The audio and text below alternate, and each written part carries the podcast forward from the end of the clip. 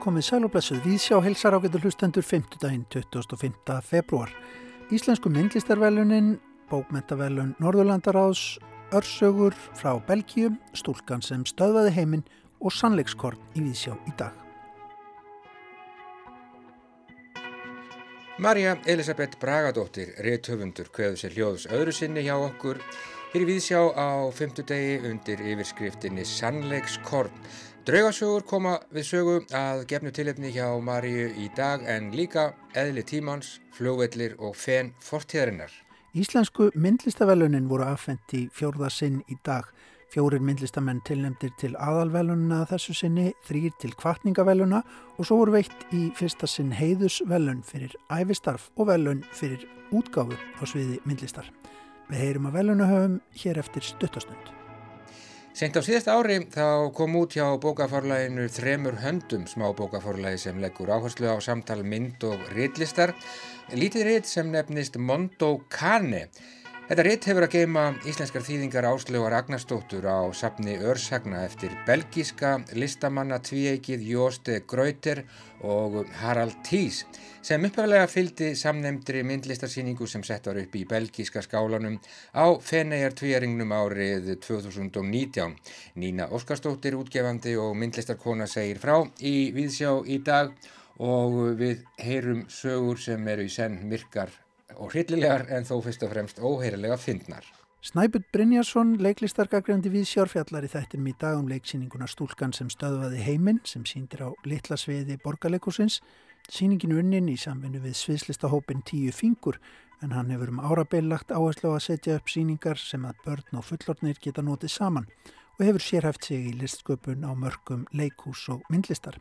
Leikstjóri sýningarinnar er Helga Arnalds. Og tilkynnt var í Gunnarshúsi, húsi Reithöfundasambands Íslands í morgun hvaða verk eru tilnæmt til bókmættaveluna Norðurlandaráðsa þessu sinni. Af Íslands hálfu eru tilnæmt verkin aðferðir til að lifa af, skáltsaga Guðrunar Efu Mínarudóttur frá árinu 2019 og um tíman og vatnið eftir Andra Snæ Magnason, sömulegis frá árinu 2019, hlustendur heyra í þeim Guðrunu og Andra í þættinum í dag. En við byrjum á íslensku myndlistavellunum sem að afhengt voru í listasafni Íslands í hátteginu í dag. Þetta var í fjórðarsinn sem útlutun þeirra fer fram en markmiði vitanlega að heidra íslenska myndlistarmenn eða myndlistarmenn sem eru búsettir á Íslandi og vekja aðtikli á því sem vel er gert jafnframt í að hvetja til nýrar listsköpunar. Sem fyrr voru kvartningarvellun veitt en þar voru þrýr myndlistarmenn tilnemdir Andreas Brúnar fyrir síninguna Ekki brotlend enn í listasafni Reykjavíkur Hafnarhúsi, Guðlug Míja Eithósdóttir fyrir síninguna Milli hluta í listasal Mósvöldsbæðar og Una Björg Magnúsdóttir fyrir síninguna Mannfjöldi hverfur sporlöstum stund í listasafni Reykjavíkur Hafnarhúsi. Mentamálar á þeirra Lilja Dögg Alfredsdóttir var mætt til að veita velun við afhendinguna sem einnig var sínd beint á netinu og kvartningavelunin hlítur Una Björg Magnúsdóttir. Þetta er síning sem er sveipuð dölúð og blekkingu, fyllir gesti hennar eftirvæntingu, spennu og jafnvel kvíða og býður upp á óvænta atbörðarás. Hversu mikið get ég eiginlega sagt án þess að segja of mikið? Er ég kannski þegar búin að því? Saði Sunna Ástórsdóttir þáverandi myndlistarínir viðsjár meðal annars um velunarsýningu Unubjarkar Magnúsdóttur mannfjöldi hverfur sporlaustum stund í listasafni Reykjavíkur á vormánuðum í fyrra. En eftirfarandi myndlistarmenn voru tilnumdir sem myndlistamæður ársins 2021. Haraldur Jónsson fyrir síninguna Ljósavél í Galeri Berg Contemporary, Margret H. Blöndal fyrir síninguna Loftleikur í E8 Galeri, Líbia Castro og Ólafur Ólafsson fyrir verkið í leita töfrum til að nýri stjórnarskrá fyrir Líðveldið Ísland í listasafni Reykjavíkur Hafnarhúsi og götum út við stjórnaráð og alþingi Íslands 3. oktober 2020. Verkunnið í samstarfi við tónlistar og myndlistarháttíðana Sækul og listaháttíði Reykjavík. Og loks Selma Rekkustóttir og Sirra Sigrun Sigurðardóttir fyrir síninguna Ljósvaki í Galeri Berg Contemporary. Og Myndlistamenn ársins eru Líbia Castro og Ólafur Ólafsson.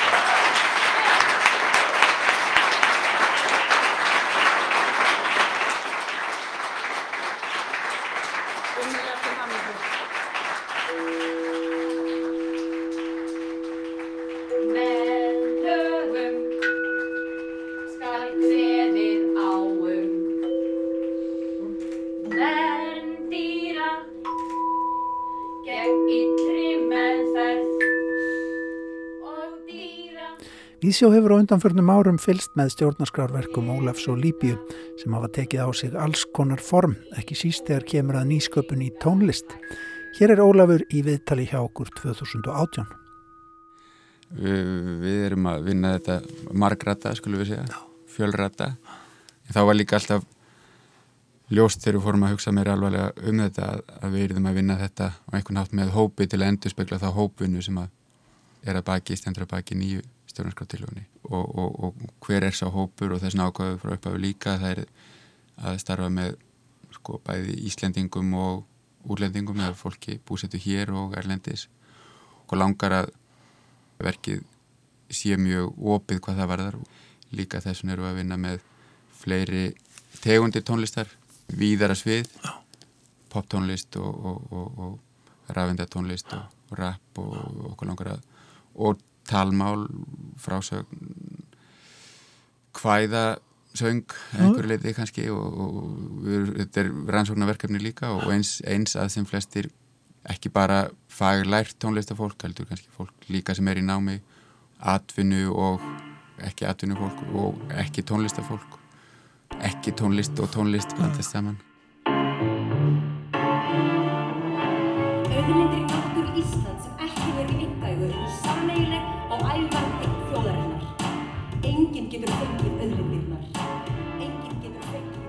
Það má segja að Ólafur Ólafsson, Líbia Kastró og síðan Töfrateimið, hópur samstagsfólks þeirra, hafi orðið eins konar myndlistar, tónlistar og gjörninga armur baráttunar fyrir nýju stjórnaskráni sem enn lifir. Samstagskona þeirra og síningarstjóri Guðni Guðmundsdóttir lísti þessari vinnu í Víðsjá í fyrra. Og saman höfum við runni líkt eftir þessu ferli sem að var þegar að stjórnarskráin sjálf var uh, rituð og þetta er svona e, samstagsverkefni þar sem að e, sem flesta rattir úr samfélaginu okkar og sem flesti í rauninni já, rattir, jáðarhópa og annar að fá að heyrast.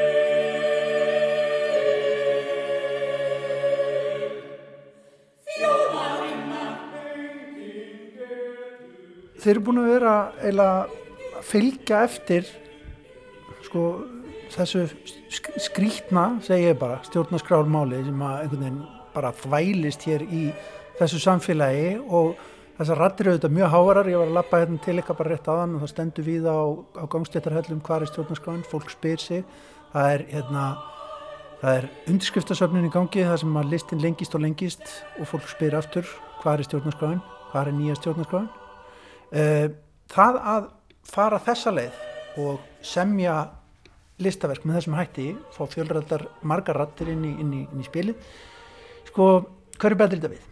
Já, við erum að pínlítið heppin kannski með e, það að verkefnið okkar sem hefur tekið mörg ári að framkvæma og já, bara rannsókn að vinna sem hefur, hefur tekið langan tíma að, eh, að þetta ásýsta núna og rétt já, senustu mistur eða vikur og mánuði þá hefur í rauninni rattirnar í samfélaginu hækkað. Það er voru ekki jafn háar fyrir kannski einu eða tveimur árum. Þannig að við erum, eh, við lendum hérna alveg frábæri, frábæri tímasetningu að koma með þetta verkefni. Og ég held að e, við notum hérna listina til þess að vekja á, e, aðtikli á þessu máli. Það er hægt að líta á það frá mörgum sjónarhóttnum.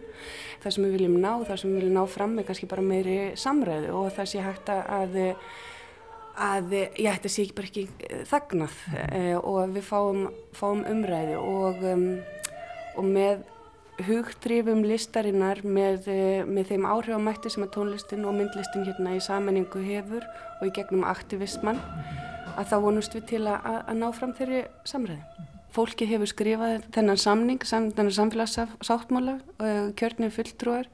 Þetta vatti aðtegli út um allan heim og var litið upp til og sem fyrirmynd og síðan heyrist ekkert meira þannig að þetta er svona annar hlutur sem að byggir upp ímynd Íslands út á við hvað við séum nú frábær og gerum allt vel en, en síðan kannski heldur það ekkert áfram og er ekki fullum framgangi sem er sorglegt fyrir okkur.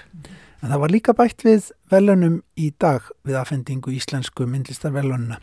Helgi Þorgils Fríðjónsson formaður myndlistaráðs. En nú í fyrsta sinn er myndlistamanni sem starfaði á listinni til langs tíma veitt viðurkenning fyrir farsalt og djöfult starf í þáu listarinnar. Samhljóða álit myndlistaráð var að þessi viðurkenning skuli veitt Kristínu Jónsdóttur frá Munkaþurá fyrir framlag hannar, hennar. Kristín.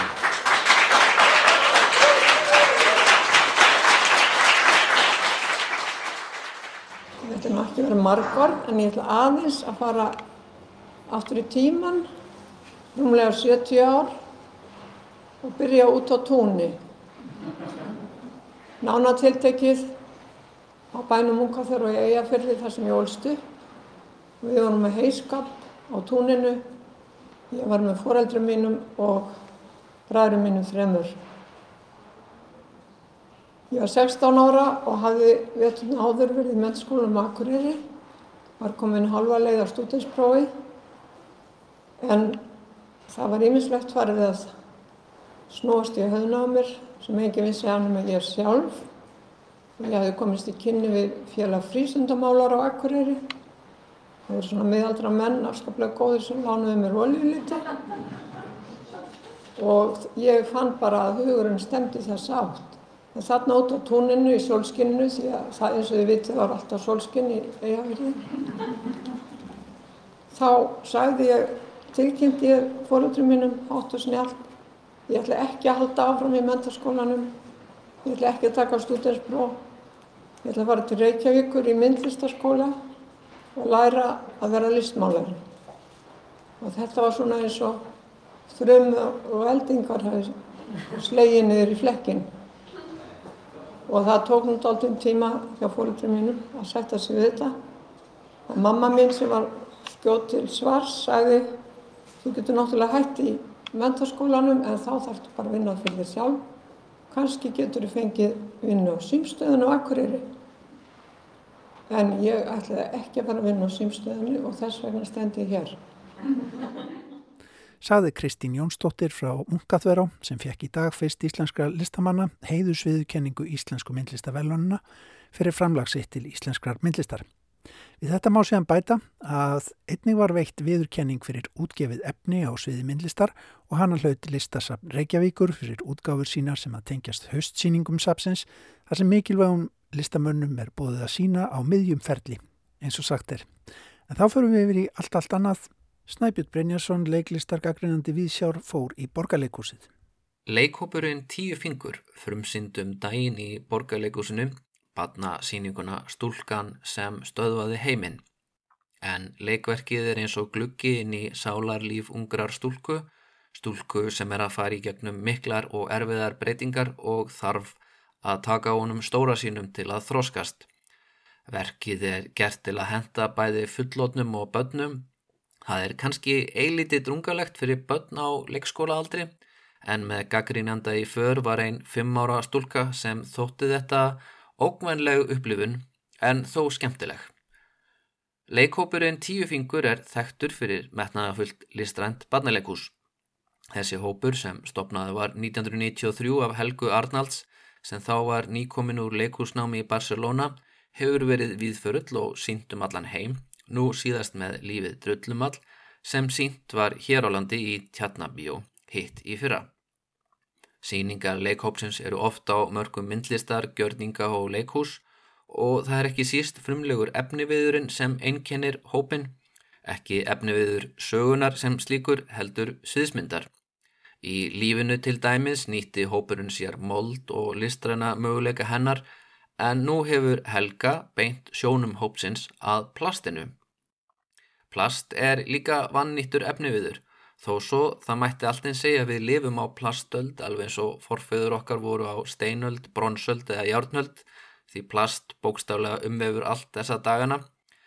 Þá er þráttur í það, eða kannski þess vegna, fáir listamenn sem nálgast þetta efni af virðingu og raunverulegum áhuga. Mögulega er það því plast er svo víða og svo nýstálegt efni að það þykir ekki eins fínt. Það hefur ekki sömu hefð og sömu önnur efni sem myndlistamenn nota til að skapa myndir eða stittur. Hvernig svo sem því líður er plast einhvað síður fjölhæft efni og fallegt. Það getur verið mjúkt og tegjanlegt, hart og ósegjanlegt og tekið á sig nærri öll form sem listamæður sækist eftir. Helgu til hals og tröst við að móta myndheiminn er Eva Signý Berger sem ég hef oft sagt í pyslu mínum að sé færasti leikmyndahönnuður landsins á allt með skarpa og frumlega sín. Valgeir Sigurdsson sá um drungalega tónlistina við verkið, fjölnir Gíslason lístu upp drungan og Katrín Gunnarsdóttir útfærði dansræfingar leikarana mjög faglega en á sviði voru þau Solveig Guðmundsdóttir, Benedikt Karl Gröndal og Kjartan Darri Kristjánsson. Söguðu þráðurinn í þessu plastaðaverki snýst um stúlku eða öllu heldur innra líf hennar því strax frá upp að veljóst að við erum stött í undirmeðutund hennar. Hvít klætt starfsfólk sapnar saman tilfinningum og minningum dagsins og reynir að vinna úr þeim. Í þessari myndlíkingum á segja að heilin verði eins og vél stýrð af starfsfólki á plani, ekki ósipað og í frönsku teknimyndunum í leta un foala ví eða líf í nýju ljósi eins og þættirnir hétu þegar þeir voru síndir í badnatímanum á tíunda áratögnum. Hugmyndin minnir líka á þekta Pixar-mynd Inside Out eða á raungunni þar sem við fáum að sjá inn í heila ungrar stúlku sem er að fara á gelgjuna um það leiti sem fóreldra hennar ákveða að flytja og tilfinningar hennar þurfa að vinna úr þessum breytingum á einhvern uppbyggilegan máta. Þó svo ég get ekki fullitt að Pixar-myndin hafi verið innblástur þá eiga leiksýningin og kvikmyndin þessi atriði sameigileg. Þetta snýst um stúlku sem þarf að flytja, henni líst ekki á þær breytingar sem eru að verða á lífennar og það endur speglast með miklu umróti í undirmeðutund hennar. Nokkur atriði eru þó ólík. Sögupersonan í leiksýningunni er frekar sérstök, hún er ekki bara badnarleg og þráast til dæmis við að henda plastheiminum sem hún hefur fandrað og krefst þess að fá herbergi sitt svartmálað heldur virðist hún líka eiga erfitt félagslega, gæti jæfnvel verið einhverf og hún gæti líka búið yfir einhvers konar töframætti eða í það minnsta verðist hún trúaði að hún geti haft áhrif á veðufar og jafnvel sólina sjálfa sem hún slekkur á með miklum tilþrifum í draumi sínum. Þessi saga er greinilega unnin í spuna og sama á við um hvernig unnið er úr plast efniviðinum á sviðinum. Þrátt fyrir plastmagnið er þetta umhverjusvæn síning með endurvinnanlegu plasti sem bókstálega er búið að spinna í ymsa þræði og skapa lifandi flækjur og brúður úr. Síningin verist hafa sprottið lífrænt fram í æfingaferli þar sem leikarar og listrænt teimi hafa unnið saman en slíkt hefur bæði kosti og galla. Oft koma frumlegar hugmyndir þannig fram og hugvitsamlega leiðir til að nýta sér efni en þetta getur líka verið á kostnað skýrleika og uppbyggingar leikverka. Það er þó fyrst og fremst myndræna framsettingin sem skiptir máli í verkinu, stúlkan sem stöðaði heiminn, lýsingin, dansin og plastið frekar en sjálf orðin. Leikarættin sem fluttu þessu orð voru þó ágættir í sínu en spurning hvort Benedikt og Kjartan hefðum átt fá að vinna sínar personur lengra og gera meira einkennandi og minna vjálrænar. Þeir tveir tóku sér hlutverk, ekki bara tækni mannana sem halda drömnum gangandi, heldur voru rattir kvíðanhútsins og annara persóna í drömnum auk foreldrana í huga stúlkunar. Solveig var líka einn hinn að kvítklættu tæknimanna en hún tók sér þarðu ekki hlutverk stúlkunar í draum heiminum. Katrín Gunnarsdóttir var skuldar lof fyrir vandaðar sviðsreyfingar. Lýsing fjölnins Gíslasonar leik stort hlutverk í verkinu og var vel unnin en líður kannski fyrir það að með tímanum var tótnin í verkinum og drauma heiminum eilítið eintona, svipað má segja um tónlistina. Stúlkan sem stöðvaði heiminn kannar tilfinningalíf og unnilöðrar stúlku sem er að komast á úlingsár. Hún er ágætla unnin og það má finna margt fallegt í henni en hugsanlega hefði mátt bæta við fleiri litbrygðum og stefum og annarkort vara lengra í áttinað óhlutubundnum draumi eða hina áttina og dýfka sögutráð og personur. Snæbjörn Brynjarsson saði frá upplifin sinni af síningunni Stúlkan sem stöðvaði heiminn sem er til síninga í borgarleikústnu þessa dagana. En þá hefur við í bókmyndirnar. Já, í morgun þá var tilkynnt í Gunnars húsi, húsi Ríðtöfundarsambands Íslands, hvaða verk eru tilnefnd til bókmyndaverlun á Norðurlandaráðs að þessu sinni af Íslands hálfveru tilnefnd verkin aðferðir til að lifa af skálsaga Guðrunar Efu Mínervudóttur frá árunnu 2019 og um tíman og vatniðrið sem erfitt er að flokka eftir Andra Snæði Magnason sömulegis frá árunnu 2019. Það má lesa á menningavef Rúf hvaða bækur önnur Norðurland tilnefna þessu sinni rúfmenning.is en eh, í niðurstöðu Íslensku dómnefndarinnar segir meðal annars um verk Guðrúnar Efu Mínervu dóttur aðferðir til að lifa af Guðrún Eva sínir hér á listilegan hátt þá miklu næmni sem hún býr yfir sem rítufundur, hún færir okkur heim, hljóðlátan en olgandi heim þar sem þrá eftir tengslum, sá djúbstæði kraftur brýst upp á yfirborðið á ferskan hátt, frásögnin tekur á sig blæ keðjusöngs, þar sem rattirnar kvikna ein af annari taka við laglínunni og fléttast saman um hríð, svo úrverður sérlega áhrifamikið margrata verk. Og um tíman og vatnið eftir eh, Andrasnæði Magnason segir eh, Íslenska domnefndin meðal annars um tíman og vatnið er í senn personulegt og vísindarlegt rít og eh, samin er þannig orðræðu bókmenta og vísinda. Bókin er skrifuð af jafnvægi þekkingu skilningi á viðfangsefninu og sterkum vilja til þess að gera heiminn betri en hann er. Við skulum heyra stuttlega í þeim eh, Guðrúnu Efu Mínarvudóttur og Andras Næ Magnasinni. Fyrst les Guðrún fyrir okkur lítið brot úr skáldsögunni aðferðir til að lifa af og síðan gripum við niður í viðtal sem við áttum við Andras Næ hér í Víðsjá þegar hann tók við viðurkenningu úr réttöfundasjóði Ríkisútarsins þann 20. janúar síðastliðin. En fyrst Guðrún Eva og aðferðir til að lifa af.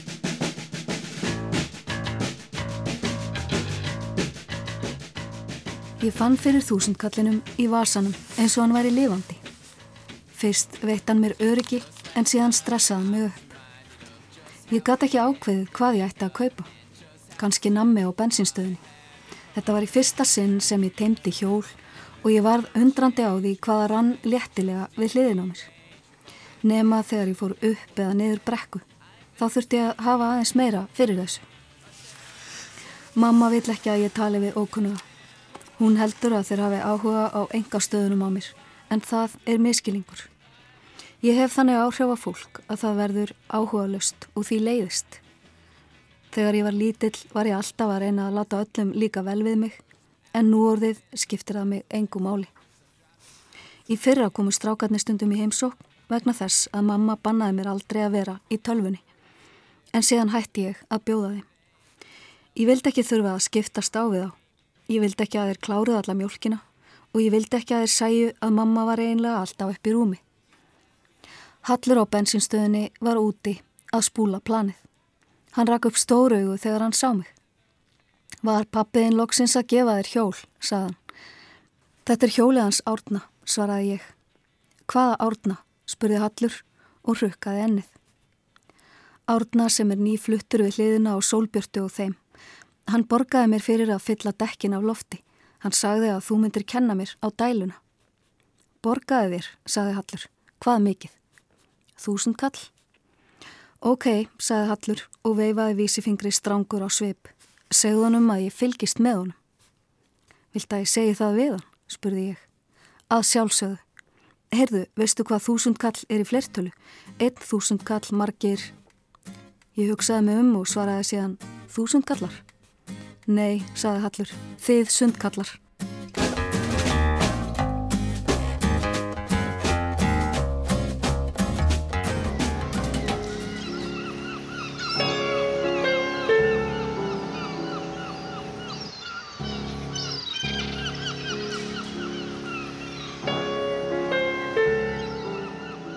En þú nefndir hér áðan að, að það sem þú væri að skrifa um hverju sinni það væri þá það væri eitthvað sem að þér finnist að skipti heiminn allan máli, öllu máli bara nákvæmlega þá stundina, hvort sem það eru já, já, rýmur eða eitthvað annað. Um, í síðustu bókinni um tíman og vatni þá ertu að reyna að, að já, það ertu þetta að fjalla um, um stóra, stóra málið, lofstagsbreytingarnar og þú ert að nálgast að út frá því að, að þetta sé reynsla sem að, sem að við náum ekkert utanum með, með uh, orðum, að orðin einhvern veginn megn ekki að fanga umfang þeirra breytinga sem að eru að eiga sér stað og þá spyr ég þig hversu hérna, hvað tekur það okkur langan tíma að, að já, bara hreinlega að færa þetta í orð það sem er að gera snákvæmlega núna veistu það? Ég, ég, ég fór í gegnum það eins í bókinu hvað hva, hva tók langan tíma að skilja bara orðræðu frönsku byltingarinnar mm -hmm.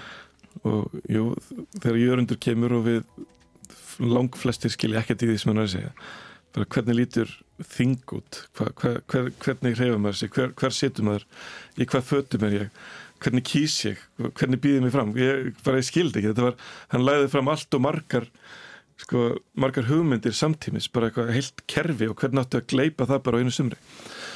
Lofslagsbreytingarnar svona vísendin koma fram fyrir svona cirka 30 árum síðan. Og, og, og, og þarna eins og ég tala um að það tók okkur 100 ára skilja líðræði mm. það hefur tekið okkur 100 ára skilja jafnbryttið kynjana við höfum bara ekki 100 ára sko. þannig að það, er, að það tók okkur viku að skilja kórnaveruna þannig að kannski er það einhver myndkverfing sem að, sem að kemur í fangið okkur.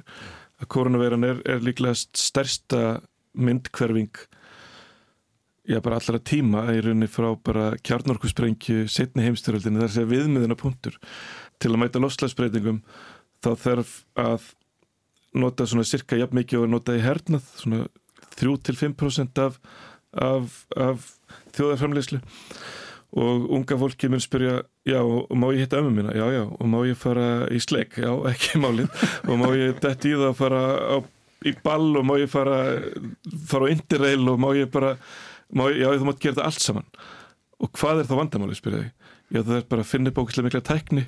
Já hvað er að því og, og kannski mætti maður óska þess að allir þessi, þessi hugsun sem fór þá í þetta internet sem búið að fanga okkur núna síðan 25 árum 20.000 manna og bara miljardar og miljardar ofan sem hafa farið að þróa það að, að, að það fóði svona aðeins að staðna í smá tíma og, og að hugsun okkar fari núna í einmitt, og það er þetta að nota þessa tekni en, en, en að næstu stóru framfæri, næstu 25 ár verða að vera í hinnum svona áþreifanlega veruleika þar sé að þau verða að vera í í efni viðnum sem við byggjum húsin okkar, mm -hmm. fötunum okkar, matnum okkar, uh, orkunni sem við notum í daglegu lífi, að þar, þar eru stóru, stóru breytingarnar á næstu 25 árum. Já, okay. Og það þurfa að gerast mjög hratt, vegna þess að við þurfum að vera bara, bara búin að laga þetta í cirka 2050.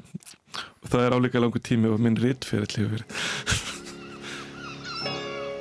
Já, Andri Snær Magnarsson og Guðrún Eva Mínervudóttir Íslensku höfundarnir sem tilnemdir eru til bókmæntaveluna Norðurlandaráðs að þessu sinni. Tilkynnt verður hver hlítur velunin í tengslum við Þing Norðurlandaráðs í Kaupmannahöfn sem framfer í november síðar á þessu ári.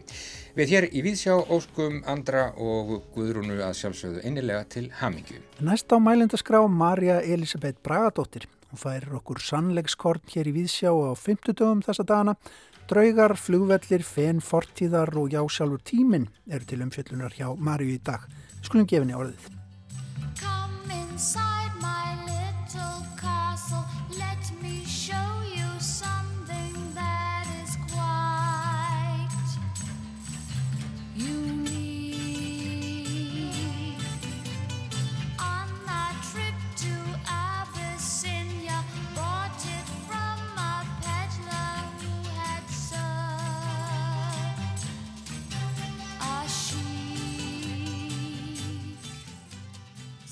Það fylgja okkur manneskjur sem standa nálagt okkur en hverfa þegar við lítum við.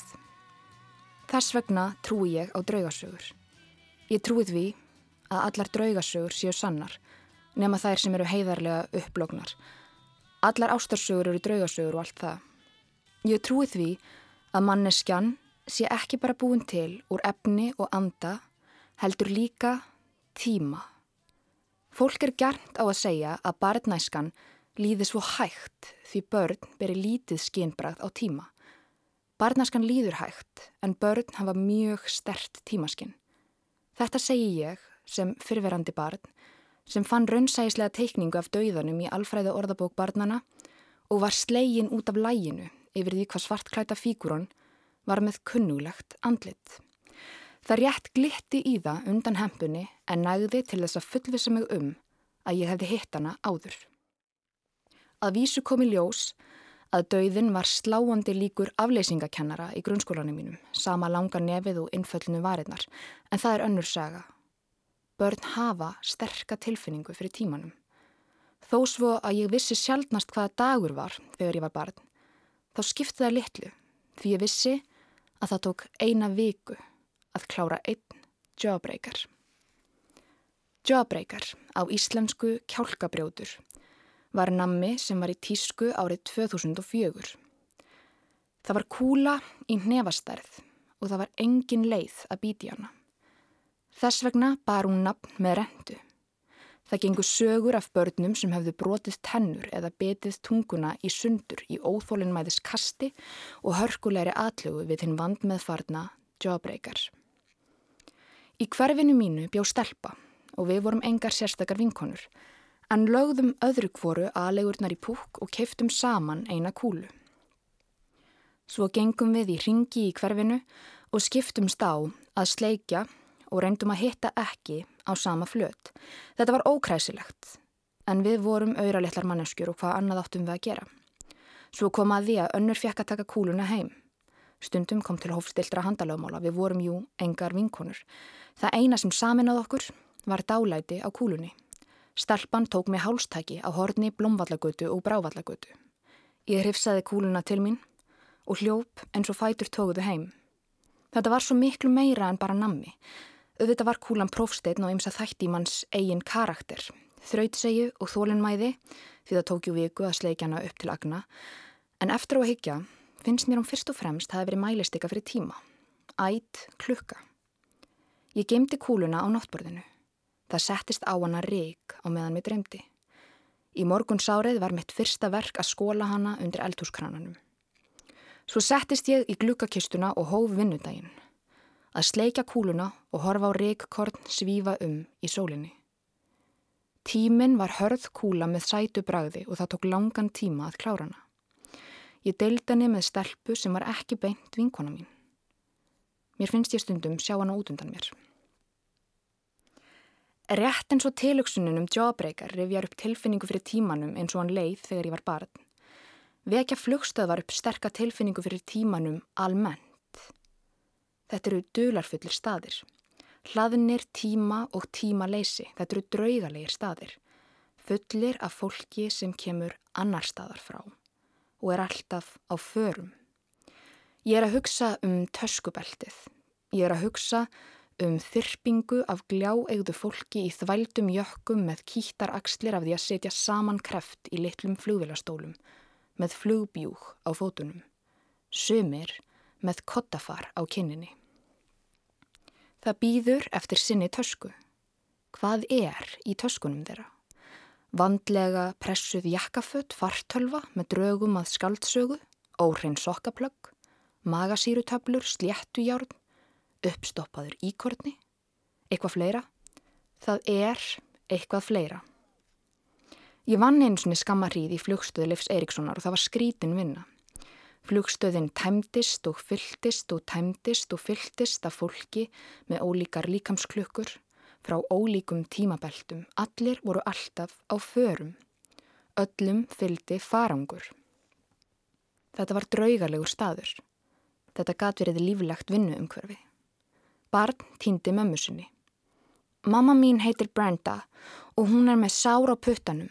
Hún á bánsa sem ástendur I love Mississippi saði bandariska barnið og ég kallaði mömmuna upp í kallkerfið.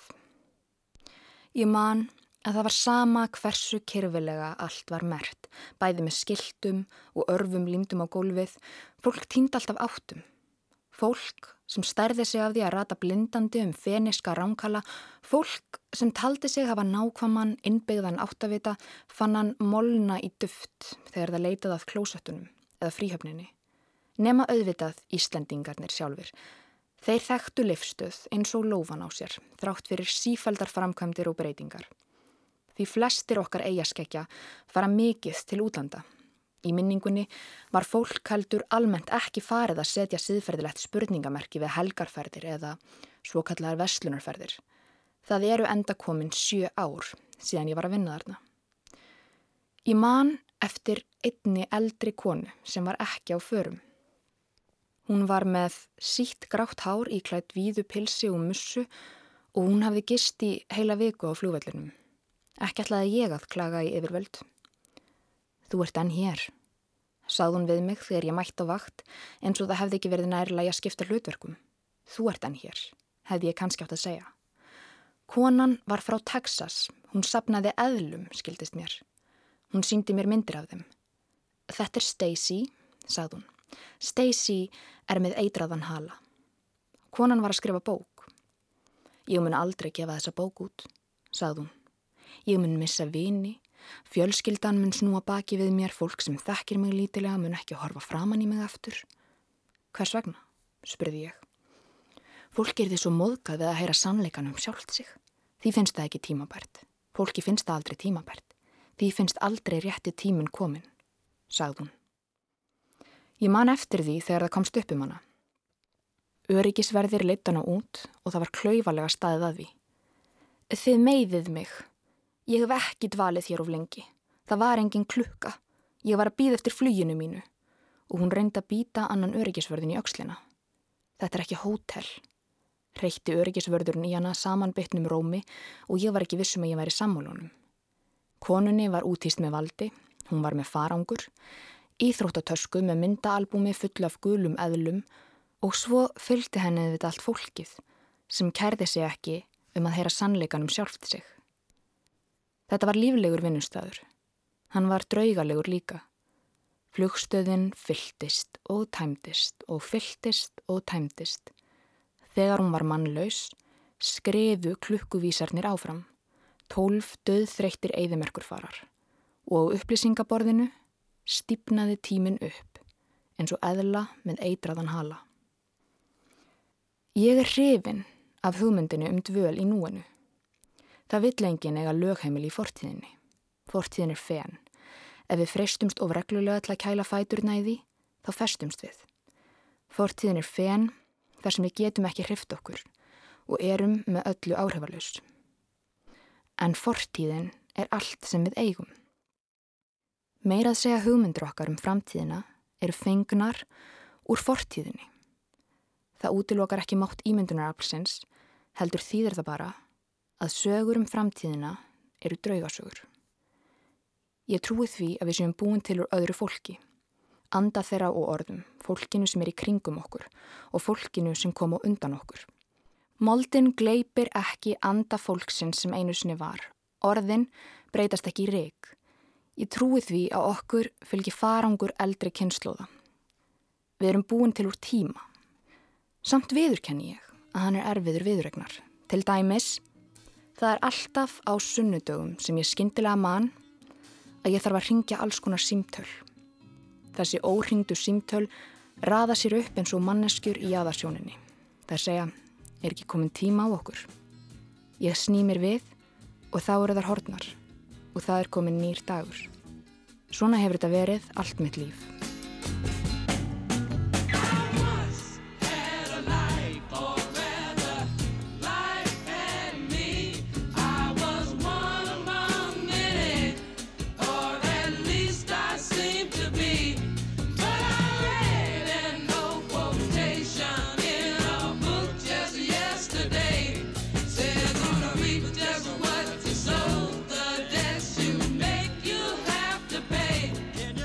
Já, draugar, fljóvellir og fenn fortíðarinnar Marja Elisabeth Bragadóttir reytugundur með sannleikskorn í Víðsjá á fymtu degi. Tíminn hörð kúla með sætu bragði við erum búin til úr tíma og hann er erfiður viðuregnar. Við heyrum aftur í Marju hér í Víðsjá að viku liðinni.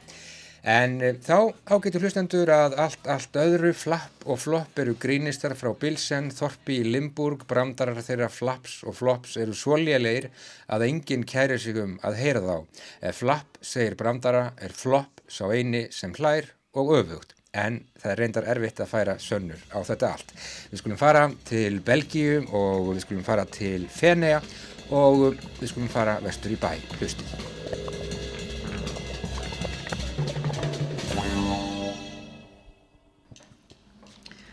Rocco Svendít í Malaga Á hverju ári heimsækir búktalarinn Rocco Svendít í Malaga litlu þorpin í Veneto héræði. Á veturna þegar næturnar eru kaldar og þókusamar sest hann á tröppurnar fyrir framann kirkjuna og segir óhugnulega sögur með skjálfilegu dúkunni sinni. Mar gerir ráð fyrir að dúkan sem hann geymir alltaf hjá sér sé orðið nokkur hundru ára gömul. Ekkert er vitað um Rocco Svendí sjálfan, sagt er að ókvingandir sögur hann séu byggðar á sönnum atbyrðum. Hann er sagður vera morðingi sem klæðist alltaf nýjum og nýjum dölbúningi. Hann sást einu sinni nálagt bæ einum í söður Þýskalandi þar sem skötu hjú nokkur voru brend á báli. Það er ekki hægt að ræða við búktalaran. Dúkan hans byrjar að skelli hlæja ef þú reynir að tala við hann, svo flýr hann og hverfur út í næturþókuna án þess að skilja eftir sér spór. Því er haldið fram að Rokko Svendit í Malaga geti ferðast afturabak og áfram í tíma sem skýrir hvernig hann getur byrst og horfið eins og honum sínist. Sumir segja að hann hafi sérst á fleirum en einum stað í einu en það er erfitt að færa sönnur á þetta allt. Bike, it like a bell and and things to make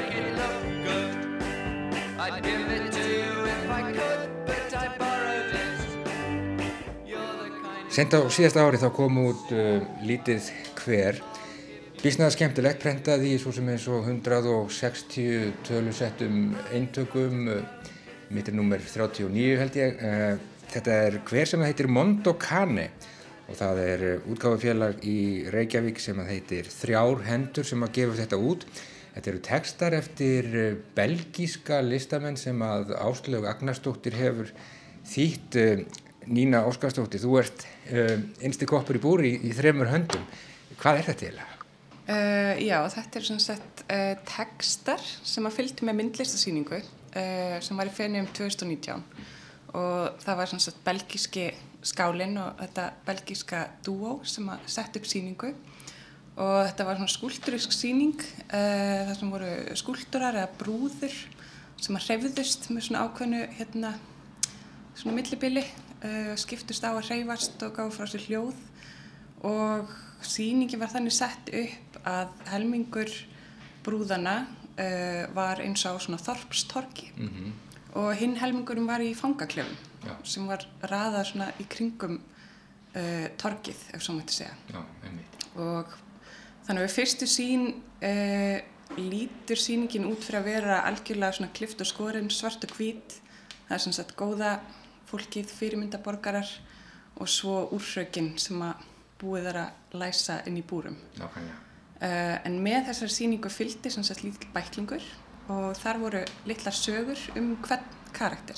Sagt, hver skúldur eða brúða fjekk uh, nafn og fjekk svona litla sögu um, um karakterinn. Já. Og um leiðum að fóra að rýna í þessa texta þá sá maður að það var ekki allt svona klift og skorið og þá var það allt svolítið svona gráleitt og sömur af fyrirmyndaborgornum voru í raun morðingjar eða einhverju hrottar mm -hmm. og mikið af hérna, úrfrögunum var bara fólk sem hafi lendt í læði í lífinu eða, eða átti við eitthvað veikind að stríða. Þannig að þetta var svolítið svona skemmtileg skemmtileg síning sem var þetta að rýna í lengi.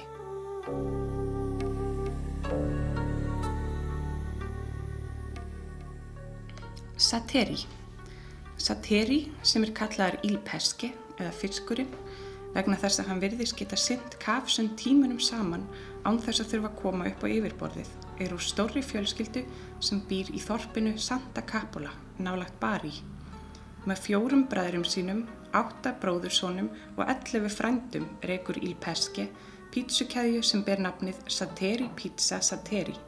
Reksturinn byrjaði í Santa Capola, breytti svo út til 20 annara staða í héræðinu og með fjárhagslegum stuðningi kínverskra viðskiptamanna varð pítsukæðjan eins og stærsta á söður Ítalju. Fjárhagslegri velgengni hennar var því að þakka að mikið magn af skemmtri vöru var keift af matvælaframleðendum. Pítsurnar frá Il Pesce vöktu sérstakka lukku hjá hollenskum og þýskum túristum.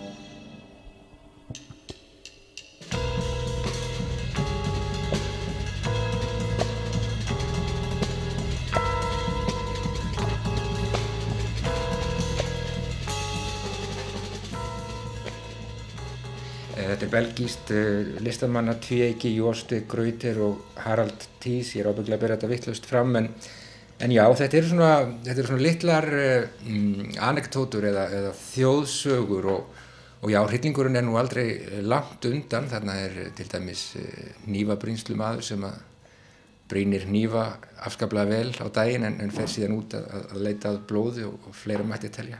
Mm -hmm. Já, einmitt. Þannig að Uh, já, það er svolítið svona hryllingur í mörgum og sögunum og mm. þetta er svona svart, svart sín, myndi ég segja. Það er ekki kannski ríkjandi gleði uh, í, í þessari síningu og í þessum verkum. Og, og sögunar eru finnar. Sögunar eru finnar og það er komik í því en svona heild, heildina á liti þá hérna, uh, það er eitthvað svona svartur undirtón í, í verkunum og hérna og líka bara á síningunni sjálfri þá eru hérna skúlturarnir náttúrulega margi hverjir mjög fyndnir og, og fara allt í hérna að reyfast og snúast á þeim hausarnir og, mm -hmm. og eitthvað svona sem að er uh, fyndið í sjálfu sér en, en samt undir niðri er svona eitthvað það er eitthvað svona skrítið Kolsvartur húmor í þessum sögum Já, heldur betur já. Hvernig var þessi síninga? Hvernig, hvernig upplifðið þú hana? Þú varst í, í fennju Um, ég einhvern veginn heitlaðis bara á henni strax mm -hmm. sko. Og hérna uh, það var svolítið gaman út af því að maður gekk einhvern veginn inn og uh, og þegar maður fer á mikið af síningum þá svona byrja maður alltaf að skoða einhvern veginn allt sem er í bóði þannig að ég einhvern veginn rak augun strax síðan bækling mm -hmm.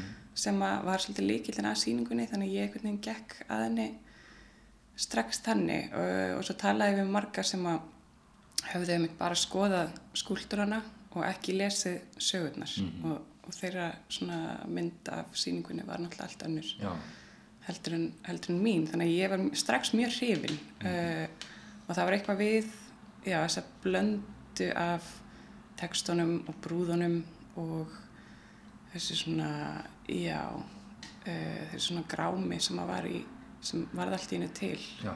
sem að heitlaði mig mikið já. En þetta hefur talað skemmtilega saman er það ekki tekstanir og, og síningin? Jú, algjörlega. Mm. Sýningin alltaf er í raunin ekki, að mínum mati var sýningin ekki svona alveg heil án textana. Nei, veit, nákvæmlega. Það var erfiðar að kannski fá rétta mynd af því sem listamennir er að reyna að setja fram. Já.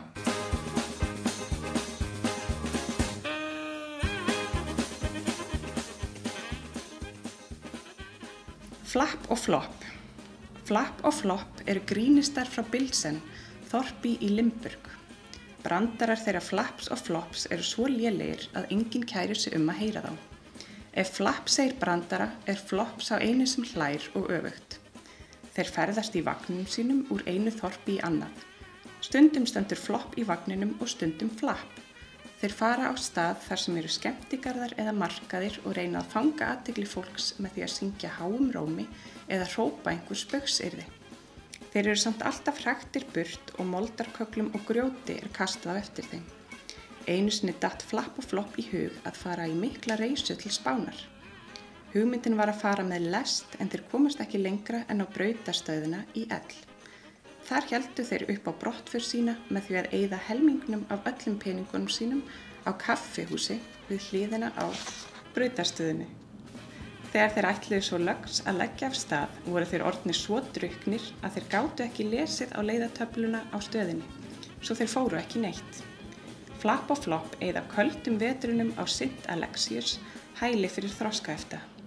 Þegar vorar í lok april eru flapp og flopp sendir þaðan burt og verða að sjá um sig sjálfur þar til í novemberlok en þá eru þeir aftur vistaðir á Sint Alexius hælinu.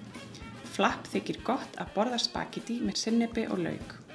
Flopp er hrifin af franskbröðsamlokum með osti og nutella. Á þennan hátt af að flapp og flopp lifaði 30 ár og það eru enga líkur á því að það breytist.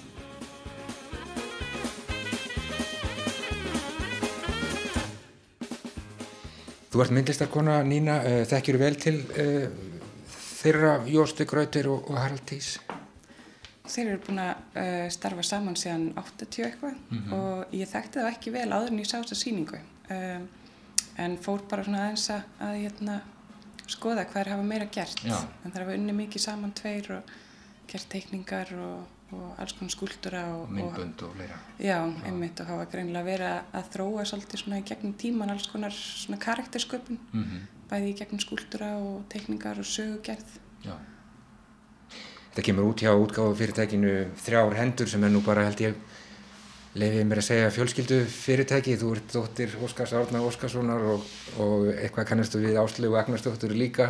Og þið voru bara hansi öllu á síðast ári. Já, já. Við gáfum út að með minnir tvær bækur senst ári mm -hmm. og fjórar árin á, á undan. Mm -hmm. og við erum núna með aðra bók í bíkjað sem kemur úrnandi út bara núna í, í vor. Mm -hmm. sem er? Uh, ég kannski vil ekki segja það í alveg strax. Það er ekki alveg komið svona alveg á reynd Nákvæmlega, nákvæmlega. En þetta eru mjög skemmtilega sögur og kól svartar sumar allavega en það er það er um, einhvern svona döluföldan hátt koman í gott skap allavega mér. Já, ég er alveg sammála. Ég, hérna, það var svona, maður brosti út í annað meðan maður las bæklingin, sko, Já. síningunni og Já. las textana Já. 160 tölusett eintök takk fyrir þannig að menn verða að hafa ekki bara þrjárhendur heldur, heldur hraðarhendur til þess að hérna, komast yfir eintaki sig bara til hamingi með með uh, þennan bækling uh, Nína Óskarsdóttir og ég hlaka til að sjá hvað er já, hvað kemur næst frá, frá þremur höndum. Takk fyrir mig. Já, takk sem leiðis.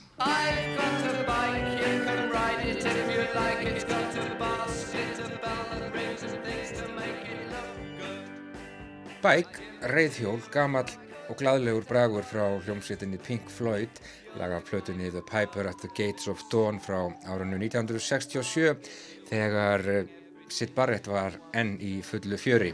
Mondo Cane smátt í sniðum en sannlega skemmtilegt reyt gefið út í 160 tölusettum eintökum.